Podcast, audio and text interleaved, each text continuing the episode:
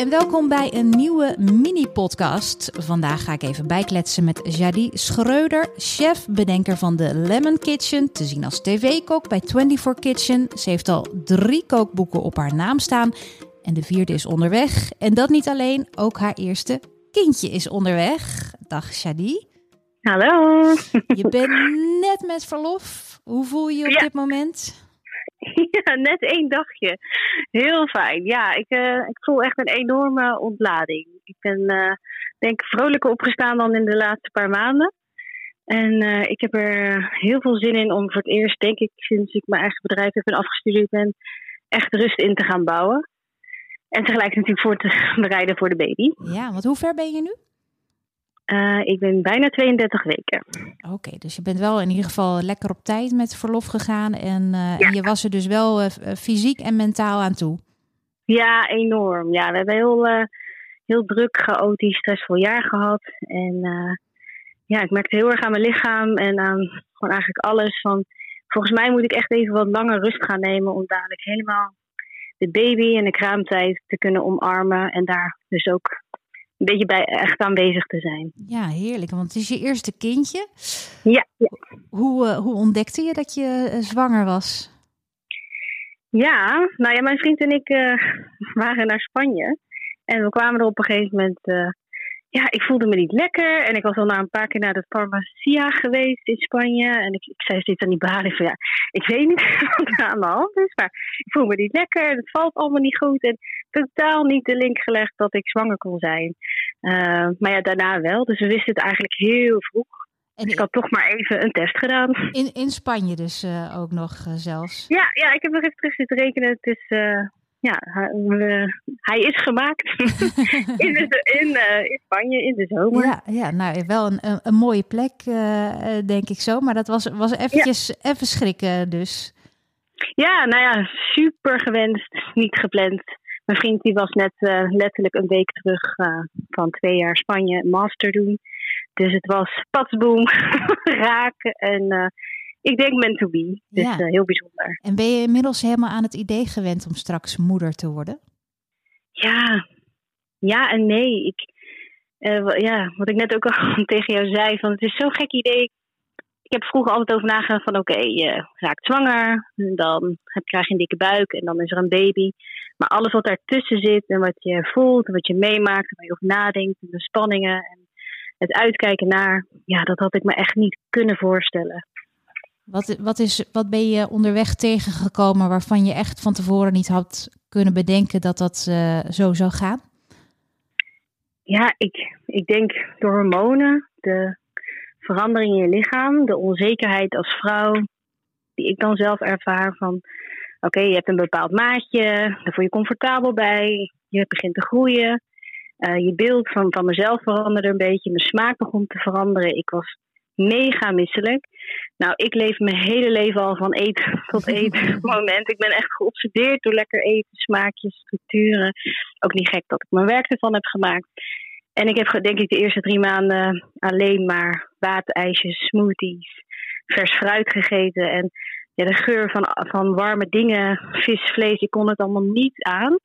Dus dat was ook voor, voor mij heel gek om mee te maken. En tegelijkertijd ook heel interessant. Ja, en dat het, ik dacht, het leverde wow. meteen allemaal inspiratie op. Het, ja, het leverde inderdaad inspiratie op. Ik dacht echt van, nou ja, als meer mensen dit hebben, dan ga ik me toch helemaal focussen op inspiratie voor smoothies en zelfgemaakte waterijsjes. En ik had ook eh, in Spanje had je ook allemaal hele lekkere, hoe heet dat ook alweer? Ja, van die ijsbols en smoothiebols. En nou ja, super lekker. Dus ik dacht, nou, als ik nu toch niks anders eet, dan ga ik, ga ik hier me helemaal eh, op uitleven. Ja, ja want je, je hebt eh, nou ja, eh, al drie kookboeken op je naam staan, maar er komt dus een vierde aan, heb je ook net bekendgemaakt. En Ja, dat heeft dus ja. alles te maken met de fase waarin je nu zit. Ja, het is zo leuk. Ik, ja, ik merkte gewoon, ik zit nu natuurlijk in mijn derde trimester, dus ik heb al heel veel ideetjes uitgewerkt voor allerlei onderwerpen. En ik dacht gewoon, ja, er moet gewoon een kookboek komen die ik zelf zocht, niet kon vinden. Alles over voeding, over cravings, over geen concessies hoeven doen en toch lekker eten. Want super oneerlijk. Je mag steeds minder. Dat hoorde ik natuurlijk ook in jouw podcast. Van, nou, je mag tegenwoordig gewoon geen haring meer. Makreel. Nou, er blijft niet zo heel veel meer over. Dus ik dacht, ik ga ook eens onderzoek doen. En met mijn achtergrond als voedexpert dacht ik, ik ga me er helemaal in storten. Maar ik wil eigenlijk voor alle zwangere vrouwen een fantastisch boek maken. Dat je elke dag lekker kan eten. En wat ze, heb je nu al, want het is, het, is nog in de maak, uh, moet er nog komen. Is er al iets uh, waar, waar, wat je hebt ontdekt waarvan je denkt van, oh, dat, dat is echt revolutionair. Dat moeten alle zwangere vrouwen weten. Ja, ik denk dat, dat er heel veel wel mogelijk is. En dat je wel heel lekker kan eten. En elke dag alsnog kan genieten van vulling, voeding, smaakjes, texturen, frisheid. Maar ook gewoon kleurrijk eten. En de voedingsstoffen die dus blijkbaar met die cravings. Vaak wordt cravings gezien als iets negatiefs. Maar ja, ik heb nu ook wel ondervonden dat cravings soms ook juist kan vragen. Dat je baby letterlijk vraagt van... Ik heb nu behoefte aan ijzer. Ik heb nu behoefte aan calcium. Ik heb nu behoefte aan iets zoets of iets fris of iets... Dus ik vond het heel bijzonder dat cravings ook niet alleen maar iets negatiefs heeft, maar ook juist positief. Dus je kan in de negen maanden dat je zeg maar zwanger bent, in de groei van je baby, kan je dus helemaal zien wat voor smaken, maar wat voor ingrediënten je eigenlijk kan, um, waar je mee kan koken. Waar je heel lekker kan eten, maar tegelijkertijd ook iets voor je baby kan betekenen. Ja, en ja. voor jezelf. Ja, exact. Want uh, wat was jouw uh, craving of wat is jouw craving? Ik weet niet of je er nou, mee ik zit. ga echt alle kanten op. ik ben wel in één keer helemaal koemelk fan. Dus elke dag één of twee glaasjes koemelk. En dan vooral bij het avondeten. Want ik heb nog steeds wel moeite met heel hartig zout eten in de avond. Maar dan zo'n glaasje koelmelk en dan zo ijskoud. dat, dat, dat is super lekker. En ja, ik merk dat ik elke ochtend een smoothie maak. Dat doe ik al echt vanaf week vier. En uh, ik heb echt een overvloed aan groenten en fruit. En ik ben elke keer ook aan het kijken van oké, hoe kan ik een zo lekker mogelijke smoothie sapje maken zonder dat het saai is of uh, een lelijke kleur heeft. En dat, ja, dat, dat werkt ook wel. En ik merk gewoon met spinazie, nou, daar maak ik natuurlijk de mooiste groene smoothies van. Uh, maar bananen, die zijn bij mij ook echt niet aan te slepen.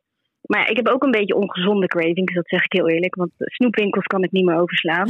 ik ga helemaal los met allemaal van die snoepjes. Dus ik heb een soort stash in mijn, uh, in mijn auto, zo'n secret stash. Dat als ik daarin zit, mag ik een paar snoepjes pakken. En daar, daar kan ik echt van genieten. Terwijl normaal gesproken was ik altijd echt totaal geen zoete kou. Grappig hè, wat dat dan weer met je lichaam doet. Nou, dat, dat boek komt eraan, maar daar ga je nog van bevallen. Maar eerst de, echte bevalling. Ja. ik heb gelukkig nog een jaar om uh, dit boek te schrijven. En we hebben het ook echt zo afgesproken dat ik alle trimesters meemaak. Dat ik daarna ook nog ja, het soort vierde trimester, want daar is ook heel veel vraag naar vanuit vrouwen. Als ze borstvoeding geven of niet.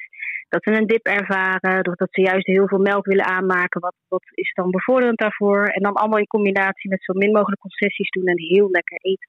Precies, maar eerst, eerst die baby eruit. Kijk je uit naar de bevalling? Nou, dat, dat vond ik ook wel interessant en leuk om, om met je te bespreken. Omdat ik afgelopen weken zoveel heb meegemaakt met mijn vriend samen in de zin van een zwangerschapscursus. En zij heet de wetenschapsdoula. En ik vond het heel interessant, want je hebt zeg maar een beetje dat zweverige, maar je hebt ook dat hele nuchtere. Ik denk dat ik zelf daar een beetje meer naar nuchtere kant toe hang. Maar tegelijkertijd hou ik wel heel erg van sfeerverlichting. En, um, ja, ik kwam er uiteindelijk achter in die cursus dat ze vroeg aan het begin van de cursus, vond ik een hele goede vraag. Van als je echt helemaal eerlijk bent, zonder oordeel, hoe denk je dat je bevalling gaat zijn? En ik kwam er toch achter dat ik best wel veel angst had, heel veel spanning en een heel best wel negatief beeld. En sinds die cursus, die drie dagen, ben ik echt van nou ja, het ene uiterste naar het andere uiterste gaan, dat ik er bijna zin in heb. Dat ik denk, yes, ik kan dit. Ik ga gewoon inspelen op het, uh, op het hormoon uh, oxytocine. Nou, daar hebben we heel veel lesjes over gehad. En super interessant dat je gewoon kan vertrouwen als vrouw op je lichaam. Dat je daarop kan inspelen, dat je met uh, lampjes of met kaarsen of hoe dat heet, je kan in een bad. En ik denk dat ik er een veel te heftig beeld van had. En nu denk ik echt van met mijn vriend samen. Hij zei laatst heel schattig: Ik word jouw doula. dus in één keer zijn we een soort team geworden en hebben er bijna zin in. En het voelt alsof, ja, alsof dit wel goed gaat komen. Ondanks dat het natuurlijk alle kanten op kan gaan. Dat, dat weet ik ook wel. Uh, maar het vertrouwen is er gewoon. Wat fijn. Ja, dat is, dat is natuurlijk het belangrijkste en, en de basis. En wat, wat heeft, kun je aangeven wat het precies is geweest wat jou dat vertrouwen heeft gegeven? Of is dat lastig? Um, ja, ik denk eigenlijk, wij hadden, uh, was in Utrecht en dan had je dus die uh, cursus. En je had, we waren met drie stellen. En het linkerstel was echt, nou, echt vrij extreem in ja, negatieve. Dus angsten, stress en um. Maar die hadden ook zoiets van, ja, we gaan echt zo'n heftige dag. Of misschien is ze al, dat heet het over 72 uur, tegemoet. En het voelde totaal niet als echt een team. En uh, wij zaten een beetje in het midden. En rechts van ons zat echt zo'n nou ja, perfect koppel. Die, waarvan de man zei van ik sta totaal in het dienst van mijn vrouw. En, we kunnen niet wachten en we willen het thuis. En wij zaten een beetje zo, zij hadden thuis, wij hadden geboortehuis. En links was echt nee, alleen maar ziekenhuis en uh, alles erop en eraan. Want we moeten overal in gesteund en geholpen worden, want dit wordt één grote hel. En ik merkte gewoon dat wij eigenlijk zoiets hadden van ja, we weten het ook nog niet precies. Ik was vrij heftig. Mijn vriend had zoiets van, ja, ik weet het niet. Ik, ik, ik ga het nog zien. En mede door die drie dagen zoveel informatie krijgen en zo stapjes fysiologisch snappen wat er met je lichaam gebeurt, wat er met je brein gebeurt, wat er met je baby gebeurt, wat er met jullie samen gebeurt, heeft er echt voor gezorgd dat ik ja, daar compleet in veranderd ben. En ik raad dit ook echt iedereen aan. Kennis is echt zo belangrijk voor zo'n belangrijk onderwerp en gebeurtenis.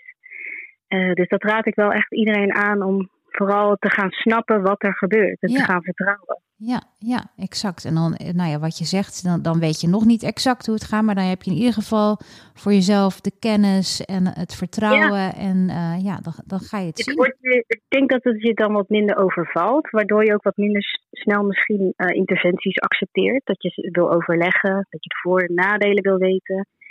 En uh, ja, op dit moment zitten wij niet in een situatie dat we een thuisbevalling kunnen doen. Maar zo'n geboortehuis met een bad en gedimde lichten. En gewoon, ik zit nu allemaal leuke muziekjes samen te stellen. En ik denk, oh ja, dit vind ik lekker en dit vind ik fijn om naar te luisteren. Mijn vriend zit het allemaal veel te zweverig, maar dat maakt niet uit. Ik moet een beetje ontspanningsmuziek hebben. Uh, ja, dus zo zijn we eigenlijk al een beetje met een, naar een bevalplan aan het werken. En ja, ja het voelt wel goed. Wat fijn. Nou, Shadi, ik, uh, ik dank je zeer. En uh, ik zou zeggen, geniet van je verlof. En ja, ik hoop op goede berichten over een tijdje. Dat hoop ik ook. Jij ook heel erg bedankt voor het gezellige gesprek. Joe, hoi hoi. Doei. Goed, dat was hem. Als je iets kwijt wil, stuur een DM naar @potnataal. Ik ben ook te vinden op Instagram onder @simonewijnands underscore. Dat is mijn persoonlijke account. Daar kan je me ook volgen of een berichtje achterlaten. En uh, met een goede review op iTunes ben ik ook altijd heel blij. Dankjewel voor het luisteren en tot de volgende.